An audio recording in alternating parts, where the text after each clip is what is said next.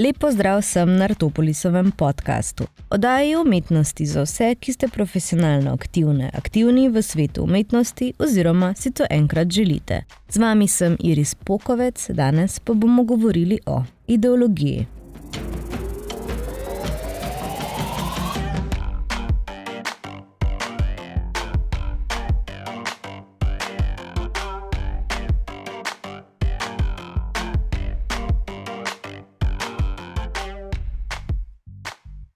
Nažalost, ti ne more nihče povedati, kaj je matrica. To moraš ugotoviti sam. Če načnem poglavje s primerom, ki temelji na prej prebranem citatu iz Matrice, lahko povem, da je gledanje na ideologijo z vidika naloženega računalniškega programa v zavest ljudi pravzaprav dober način, kako sila preprosto razložiti ideologijo. V tem primeru smo ljudje bitja, ki bi sicer lahko nemoteno živela kot vse ostale vrste, vendar je ena izmed reči, ki nas bistveno loči od njih, ideologija. Ideologijo nam ali pa si jo sami hote ali ne hote naložimo v svoje glave zato, da pravzaprav sploh usmerimo osmislimo svoj obstoj. Celotna zgodovina človeka je pravzaprav zgodovina ideologij. Ustvarili smo si jo sami, tako kot programer napiše program, jo naložili na svojo eksistenco in sedaj se je ta organsko razrastla kot računalniški virus, ki se počasi asimilira in na koncu popolnoma nadzira naše družbene in psihološke procese. Ideologija je torej oblika nadzora, ki smo si ga najverjetneje tako kot vse ostale nadzore, zaradi boljše preglednosti nad življenjskimi izmešnjavami nadeli sami. Dejstvo je, da nam ideologija omogoča, da se sploh lahko udejstvujemo kot družbeno bitje, kar pa je ena izmed osnovnih človekovih potreb. Tudi, če bi obstajala možnost, da se odrečemo ideologiji, bi ta možnost pomenila popolno osamitev in s tem bi tudi, če ne upoštevam primarnega nagona po preživetju, pravzaprav izgubili razlog za obstoj. Vse vrednote, v katerih vidimo ljudje smisel za obstoj, niso namreč nič drugega kot ideologija. In ker po Darwinovi tezi o evoluciji ne preživi vrsta, ki je najmočnejša, temveč tista, ki se je sposobna najbolje prilagoditi, tu ne vidim razloga za biti močen, temveč je na nas, da se danim razmeram kar najbolje prilagodimo. Najpametnejša reč, ki jo torej lahko storimo, je, da se v okolju in tekmecih in sovražnikih kar se da dobro poučimo, da lahko to znanje uporabimo sebi v prid. Predmet kot nosilec ideologije o pripadnosti plemenu, Coca-Coli in vseh ostalih kolah, o kranski klobasi in nacionalni zavesti. Krepko smo že v času, ko je funkcionalni vidik blaga že zagotovljen in je treba trg poganjati z drugačno strategijo. Ker se zgodbe in apliciranje na čustva potrošnikov domena sanske družbe, je bilo treba začeti podarjati in izpostavljati druge kvalitete, katere so v interesu miselnosti sanske družbe. Obljube po skupnosti in pripadnosti postajajo vedno pogostejša oglaševalska strategija, s katero podjetja privabljajo nove kupce. Če ljudje uporabljamo predmet z določeno blagovno znamko, s tem pripadamo plemenu ljudi, ki uporabljajo enako blagovno znamko in pripadnost skupnosti uporabnikov tudi občutimo.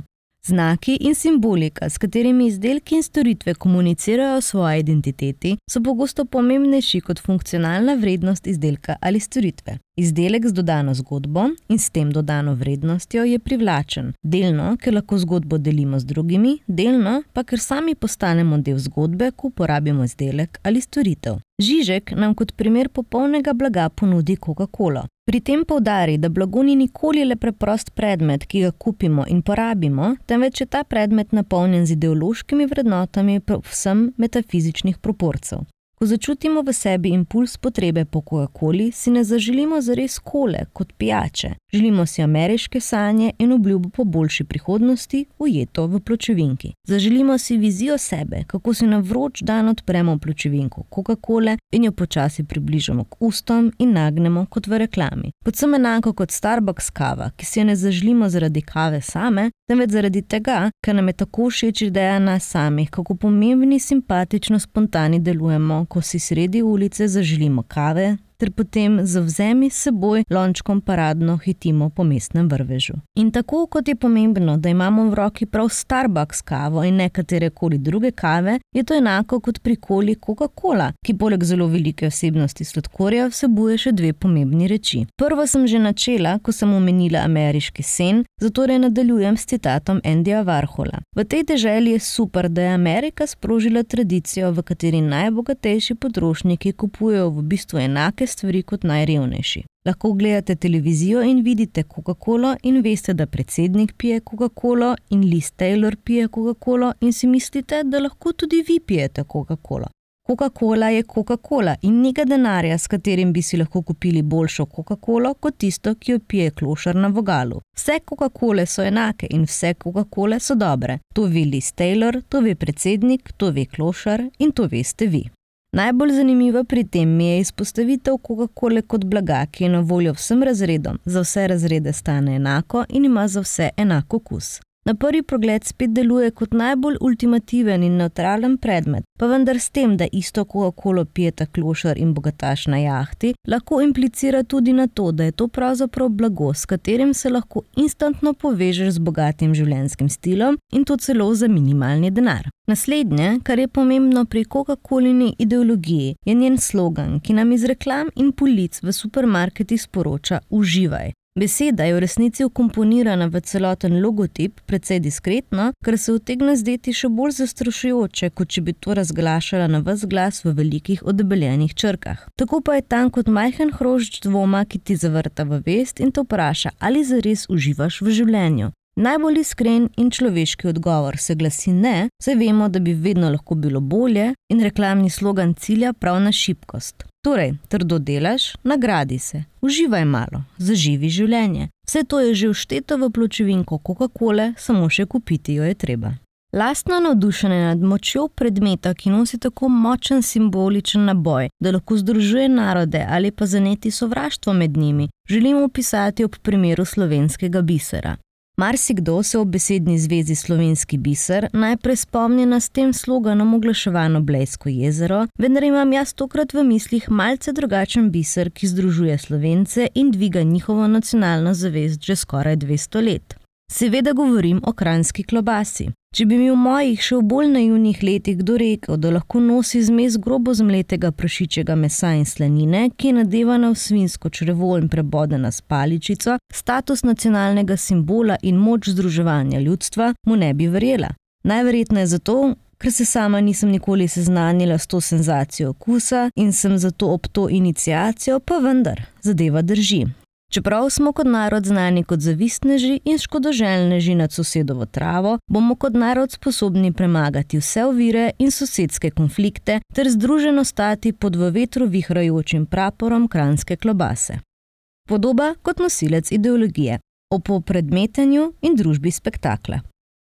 Podobe najhitreje opazimo in si jih tudi najbolje zapomnimo, zato so izvrstni nosilci za posredovanje in propagiranje želenih ideologij. Načeloma velja podobno za melodije, ki pogosto aplicirajo na čustva poslušalca in imajo izjemno povezovalno moč, naprimer pesmi, himne, oda radosti in podobno, a vendarle naj bi človek več kot tri četrt svojih zaznav iz okolja dobil z vidom. Odličen primer, ker je podoba najvidnejša kot nosilo ideologije, so simboli. Simbol, sem poznana znana podoba, ki poleg svoje očitne vizualne podobe nosi še simboličen pomen, Ta pomen je znan vsem uporabnikom simbolnega jezika, naprimer križ je simbol krščanske vere, golobica in olčna vejca sta simbola miru. Simbole je treba gledati tudi znotraj določenega konteksta, saj naprimer simbol srca lahko pomeni ljubezen ali pa je simbol zdravja. Še en izmed trenutno najaktualnejših načinov rabe simbolov za sporozumevanje so emoji in emotikoni, popularni ideogrami, s katerih v besedilih izražamo svoje počutje. Najprej so bili omejeni na zasebna neuradna elektronska sporočila in družbena omrežja, sedaj pa če dalje bolj postaja jezik, s katerim nagovarjajo gledalce tudi podjetja in s katerim komuniciramo tudi na profesionalni ravni. Potrošniška družba se je naučila pritegniti pozornost gledalca ter to izkoristiti v svoj dobiček. V ekonomiji pozornosti uporabniki zgolj z gledanjem ustvarjajo presežno vrednost. In to gledanje je za kapital pomembno, saj na tak način oglaševalec komunicira z gledalcem, širi informacije ter si tako zagotovi kupce. Kot sem omenila v prejšnjih podcastih, je ljudem pomembno dajati dober vtis, kar dosežemo s sledenjem trenda ter obdajanjem s trenutno aktualnimi statusnimi simboli. Tako smo postali lovci in obenem tudi trofeje. Konstantno smo pozorni na atraktivne novice in v pripravljenosti, da tisto, kar najdemo, kupimo ter se s tem obdamo. Radi gledamo in radi smo videni, in ta želja oziroma potreba je zelo pomembna. Danes pa se ne oglašuje samo blaga, temveč tudi vsak oglašuje svoje življenje. Seveda izhajamo ponovno iz ideje dajanja vtisa. S tem skušam povedati, da ne znam več ločiti, kaj zares storimo zase in kaj zato, da se lahko pokažemo. Guy Debord v svojem delu Družba spektakla opiše spektakel kot popredmeten način gledanja na svet, umetno fikcijo v realni družbi in pričujoči model prevladojočega družbenega življenja, ter ga vidi kot vse prisotno potrditev že izbrane izbire in posledično tudi njeno potrošnjo. Z delom uvidi prehod iz družbe blaga v družbo spektakla, kjer glavno gonilo predstavlja fetišizem, človek pa je zreduciran na stroj želje. Njegove želje niso več avtentične in ne odražajo njegovega duha, temveč so vsajene vanj skozi pasivno sprejemanje spektakla. V družbi blaga je bilo teže nakupičiti vse to blago in ga razkozovati, še mnogo lažje je to početi v družbi spektakla, ki temelji na podobi, ki jo je lažje producirati in manipulirati. Podobe nadomestijo čutni svet in se kažejo kot objekti čiste zaznave. Zdijo se enako resnične in otipljive kot tisto, kar prikazujejo, kar pa omogoča, da vsak človek, manipulator podobe, zdaj lahko na novo izumlja samega sebe. Hvala za poslušanje, z vami sem bila Iris Pokovec in se slišimo prihodnjič.